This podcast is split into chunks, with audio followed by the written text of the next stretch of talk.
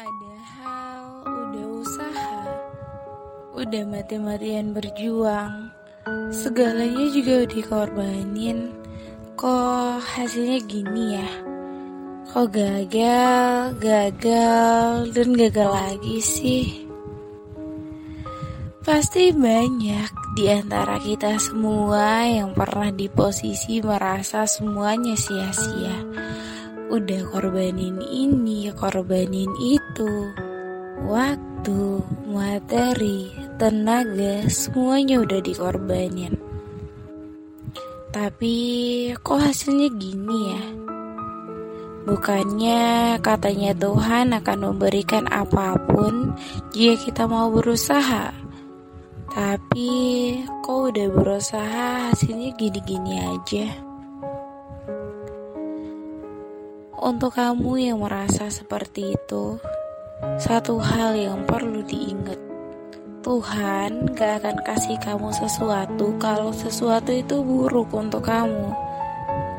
Kalau kamu udah usaha banting tulang ke sana kemari untuk meraih apa yang kamu inginkan dan tidak kamu dapatkan, mungkin aja apa yang kamu inginkan itu buruk. Akan memberikan impact negatif ke depannya. Dan kekuatan kamu masih kurang untuk menghadapi hal itu. Bisa saja kamu akan bunuh diri saking beratnya.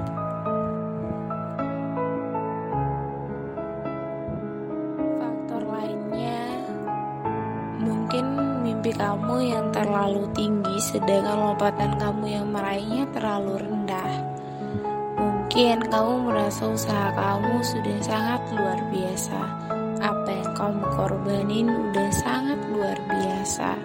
Tapi kamu nggak tahu kan berapa banyak pesaing kamu di luar sana yang mungkin usahanya jauh lebih besar ketimbang kamu yang udah korbanin lebih besar dari kamu yang punya keinginan yang jauh lebih tinggi dari kamu yang badannya gak pernah bolong yang doanya kuat yang sedekahnya gak pernah alpa jadi mungkin saja gagal yang kamu rasain itu adalah tolak ukur untuk kamu bisa menilai sejauh mana bakat dan kemampuan kamu agar kamu bisa menjadi orang yang jauh lebih baik. Kuncinya upgrade diri, perbanyak skill, perbanyak effort, jangan terlalu banyak mengeluh. Capek boleh, istirahat dulu, tapi jangan menyerah. Untuk kamu yang merasakan hal yang demikian, jangan pernah menyerah ya. Tetap semangat. Gagal, coba lagi, gagal, coba lagi. Intinya, berusahalah untuk menjadi yang lebih baik dari sebelumnya. Berlaku untuk aku, kamu, dan kalian semua. Mari dengarkan penggalan kisah nyata ini. Untuk pelaku kisahnya, sebut saja Bobby. Mulai dari mendaftar masuk sekolah menengah atas, Bobby sudah mulai mempersiapkan nilainya untuk masuk jalur undangan atau biasa disebut SNMPTN. Banyak hal yang sudah ia perjuangkan. Dia belajar dengan keras agar nilainya stabil. Dia mengikuti banyak perlombaan untuk mendukung nilainya nanti di SNMPTN. Singkat cerita, tibalah pengumuman kelulusan SNMPTN. Alhasil, dia dinyatakan tidak lulus. Tentunya itu membuat dia sangat frustasi.